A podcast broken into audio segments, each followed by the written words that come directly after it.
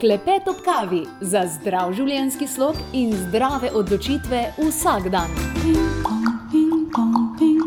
Odpravljanje stranskih učinkov pri diagnozi rak, torej pri samem zdravljenju, po kemoterapijah, radioterapijah in drugih postopkih uradne medicine. To bo današnja tematika, v moji družbi pa bo Marijana Kolman, izjemna prijateljica, mentorica, izjemna poznavalka sibirske fitomedicine, tudi sicer šamanka.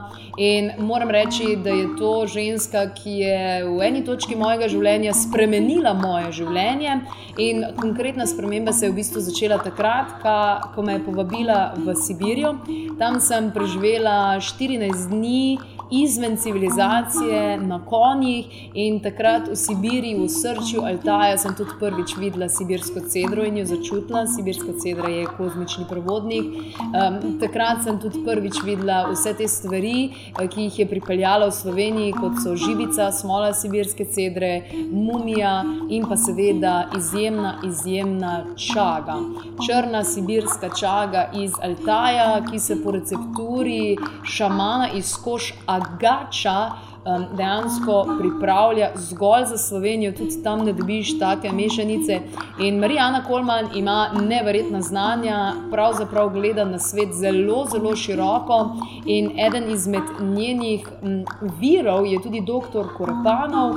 Dr. Korepanov je izjemni, priznani onkolog, ginekolog in fitoterapeut, dejansko iz Rusije, iz Barnaula.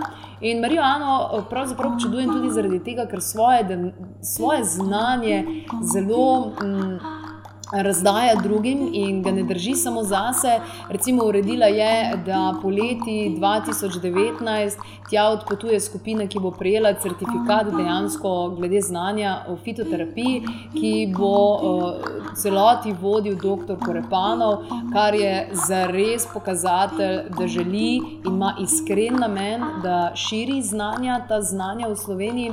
In se mi zdi, da je tole zelo pomembna tematika za vse tiste, ki mogoče razmišljate upam, da sami nimate te diagnoze, oziroma če ima kdo od vaših bližnjih, kaj lahko dejansko narediš, ali alternativa, ali uradna medicina. No, ne vam povem, da to ni niti alternativa, niti uradna medicina, ampak gre za pristop, kjer se združuje in dejansko fitoterapija, o kateri bo tudi Marija Ana govorila, postane neko podporno zdravljenje. In dr. Korepano je na svojem inštitutu ugotovil, da na tašen način postanejo tudi vsi procesi, vse, uh, vsi zdravilni um, tehnike, metode, ki jih uradni medicini izvajo, da postanejo dejansko še bolj učinkovite in da je to pravi način, vse tako kažejo dejansko vsi rezultati. Uh, želim vam prijetno poslušanje. To tole so zlata vredne informacije in hvaležni bomo, če jih širite, širite naprej, kajti na tašen način lahko dejansko preprečimo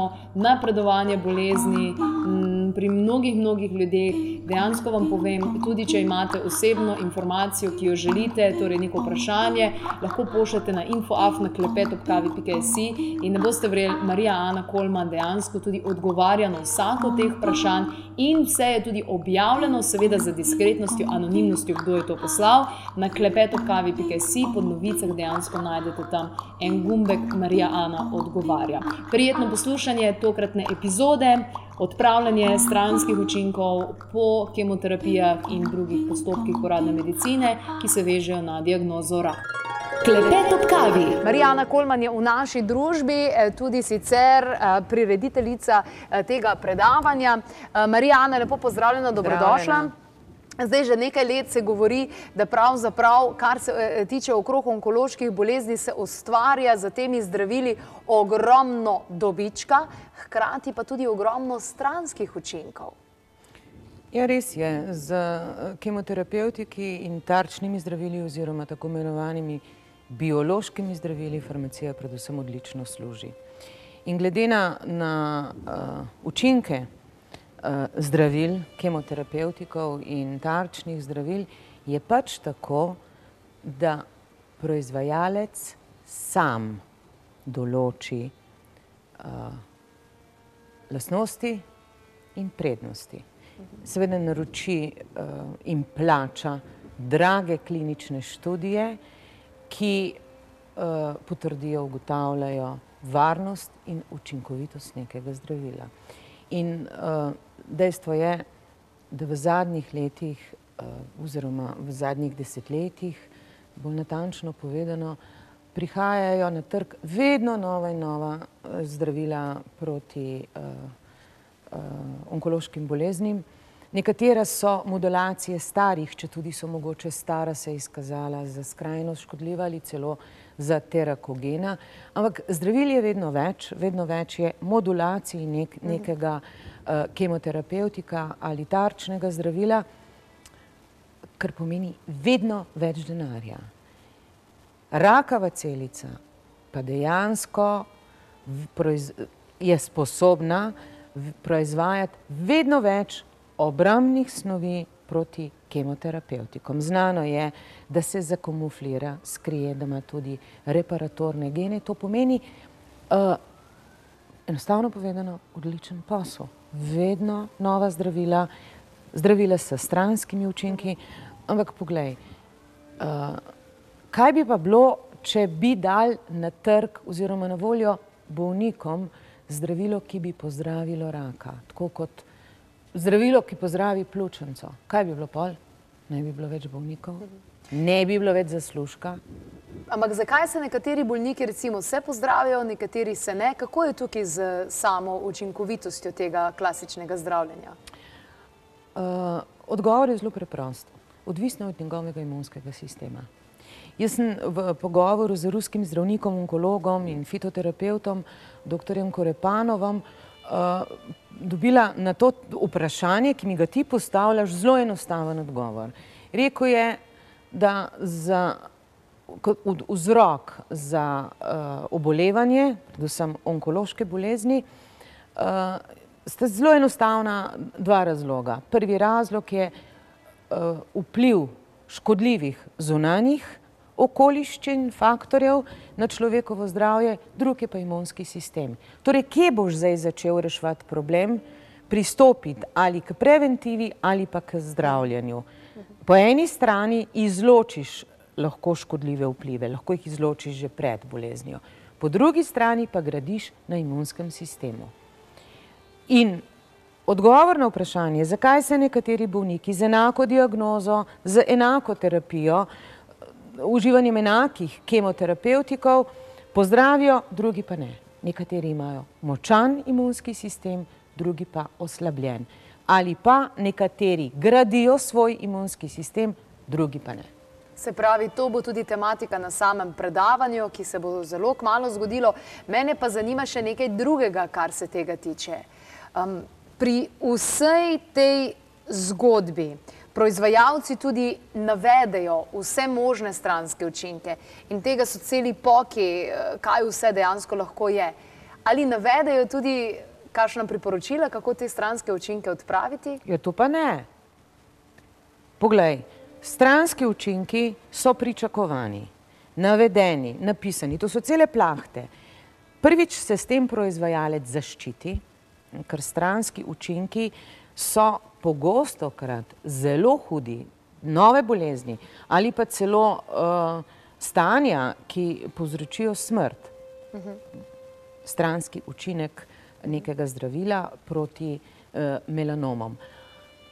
Če bi proizvajalec tega zdravila navedel uh, zdravila proti stranskim učinkom. Veš, koliko papirja bi mogel spraviti v tisto škatlico hmm. za zdravili? In spet bi bila kemija. In spet bi bila kemija, ki bi imela stranske učinke, ki bi spet potrebovali kemijo za odpravo. To je krok, začaran krok, ki pa ne velja samo za zdravila za onkološke bolnike. Poglej recimo uh, zdravila proti holesterolu. Tipičen primer. Že davno je dr. Linus Pauling uh, odkril eh, zdravilno delovanje C-vitamina, običajnega C-vitamina na raztapljanje krvnih maščob. In namesto uh, zdravil proti holesterolu svetoval svojim pacijentom, da uživajo večje količine, če so izpostavljeni ali imajo povečano maščobo v krvi, uh, večje količine C-vitamina. Uh -huh. Znano je, da obloge maščob v žilah povzročijo arteriosklerozo in tako dalje in tako dalje. Zdravnik predpiše običajno tablete proti krvnim maščobam, ki imajo pa za posledico od tahikardije, odpovedi srčne mišice, okvare jeter in raka. In zanimivo, leta tisoč devetsto šestindevetdeset je v zdravniški reviji The American Journey of the American Medical Association izšel članek z naslovom, pazi, Povzročanje raka z zdravili za zmanjševanje krvne maščobe. In kaj se je zgodilo? Še vedno, koliko ljudi jemlje zdravila proti holesterolu. Pa so zdaj zmanjšali, ne, tisto dovoljeno stopnjo, ampak kljub vsemu. In enako je pri onkoloških zdravilih. Vrsta stranskih učinkov, za katere zdravnik nekaj zaradi nevednosti, nekaj pa zato, ker nima zadaj big farme, pacientu ne bo svetoval, kaj misliš, da bo mu svetoval eleuterokok, čago ali pa ašičev čaj krt. Ne more. Ne more. Lahko mu svetuje samo zdravila, za katerimi stoji big farma, ki zdravnikom plačuje drage kongrese v eksotičnih krajih. In je vpeta v vso to zgodbo, medicina, zdravstveno zavarovanje in tako dalje. Ampak klinične študije recimo, ki so bile narejene kot podpora v radio in kemoterapiji, recimo uporaba eleuterokoka, da je to nekaj, kar je pravzaprav zelo dobro za človeka, za pacienta. Zakaj enostavno ne priporočajo? Sej ne, da bi mogoče dali na recept, ampak da si ljudje sami preskrbijo, da sploh dobijo informacijo. Da bi dali informacijo, ja. Ne, sej to delajo, Nemci delajo, Rusi delajo. V Nemčiji so bile izvedene recimo zlasti na področju zdravljenja raka dojke, študije, ki so potrdile zdravilen učinek eleuterokoka pri pacientkah. Ni bilo stranskih učinkov ali pa so bili zelo zmanjšani. Povečan je bil, celo povečal se je učinek kemoterapevtika, ne. Ampak nemško zdravstvo je urejeno. Dejstvo je, da recimo v nemških lekarnah, jaz sem nekje brala podatek, več kot petdeset procentov zdravil, ki jih prodajo oziroma ki grejo v promet, je fitomedicinskih in jih pokriva zdravstveno zavarovanje. To pomeni, v Nemčiji so ljudje osveščeni in tudi zdravniki izobraženi in svetujejo ljudem, dajte si pomagati z naravo. Jaz sem recimo bila navdušena nad pristopom doktor Korepanova v Barnaulu v Rusiji, ko je kot zdravnik po pristopu do pravzaprav rešitve problema podpora organizmu pri zdravljenju na klasičen način, je to kemoterapija, radioterapija, operacija, s pomočjo rastlin. Ampak preden je svojim pacientom priporočal, ne, uporabo naravnih adaptogenov, je to čaga, eleuterokok, zlati koren in tako dalje, Sibirija jih ima cel kup in tudi tam je fitomedicina razvita, priznana in uporabljena. In kaj je on naredil? In zakaj pravzaprav je to naredil? K temu so ga vzpodbudile zgodbe njegovih pacientov, v, kot, ko je delal kot onkolog, ginekolog, ko so mu pošteno povedale, recimo ženske z, z onkološkimi boleznimi, da so v času zdravljenja jemale še kakšna naravna zdravila. Ne glede na to, a jim je njihov zdravnik to prepovedal ali svetoval. One so to delale iz informacij, ki, ki ostajajo tam med ljudmi. In devetega enajstega na predavanje prinašaš pravzaprav tudi povsem sveža znanja iz Sibirije, iz svojega druženja z doktor Korepanovim. Ja, precej takih uporabnih informacij v podporo, v podporo klasičnemu zdravljenju, to pomeni ne v spodnašanje doktrine in načinov zdravljenja in terapij, ki jih imajo onkološki bolniki, ampak v podporo.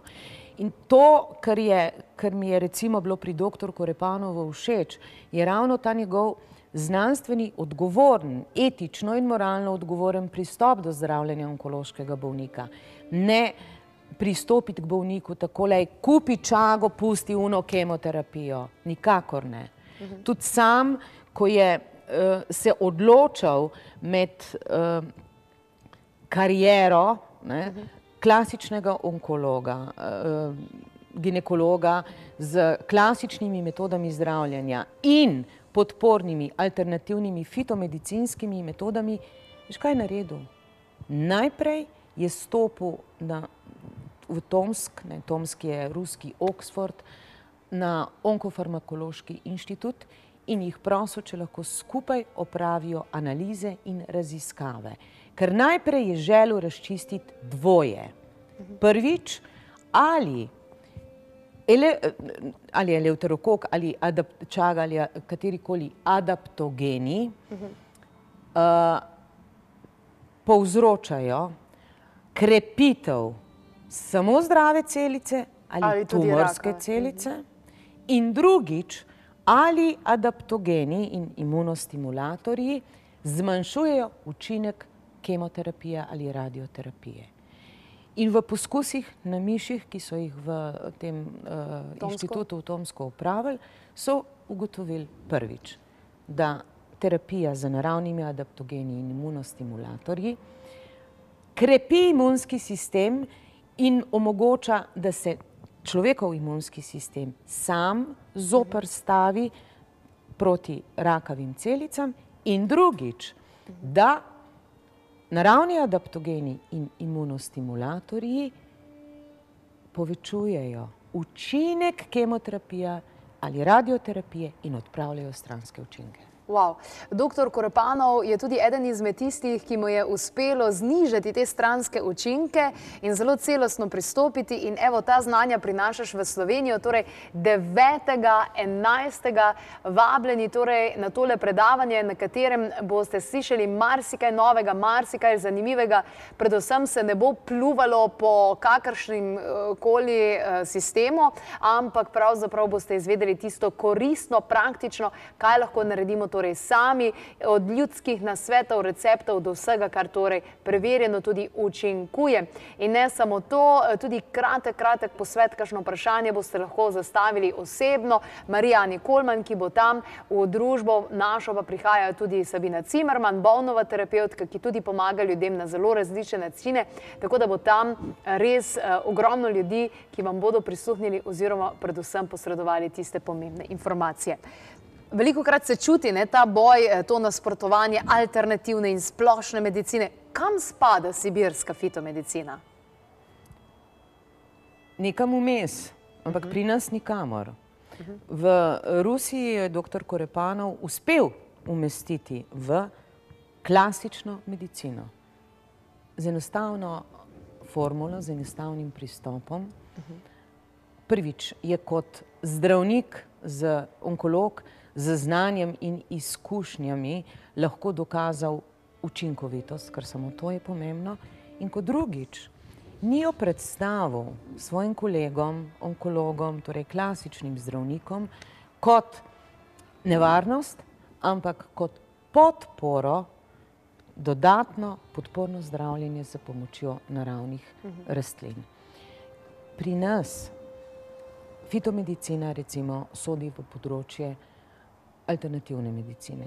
Klasična in alternativna medicina pri nas, kljub prizadevanju, da bi v okviru integrativne medicine bil dosežen nek konsens, neko sodelovanje, enostavno ne uspe, vsak vleče na svojo stran. Na eni strani uh, nekako privilegirana onkologija, ki ne dopušča še kakšne druge možnosti, tudi podporne, uh, in seveda na drugi strani alternativa komplementarne medicine, ki pa seveda zavračajo pristope in načine zdravljenja klasične medicine. Ni reda, ni urejenosti. Zdravniška in zdravilska zbornica bi pravzaprav mogli narediti isto potezo, da bi zdravnike zdravnikom pravzaprav predstavili tiste preverjene metode komplementarnega zdravljenja, ki dejansko učinkujejo. Zdravilci bi pa mogli končno sprejeti kodeks zdravilske etike in delovati po etičnih načelih. Veselim se tega predavanja, torej 9.11. Vsem je torej namenjeno, da se um, podočimo o vseh teh zadevah in prvič v Sloveniji torej ta znanja, ki uh, si jih spoznala oziroma pridobila od dr. Korepanova direktno, kaj ne da? Direktno, ja.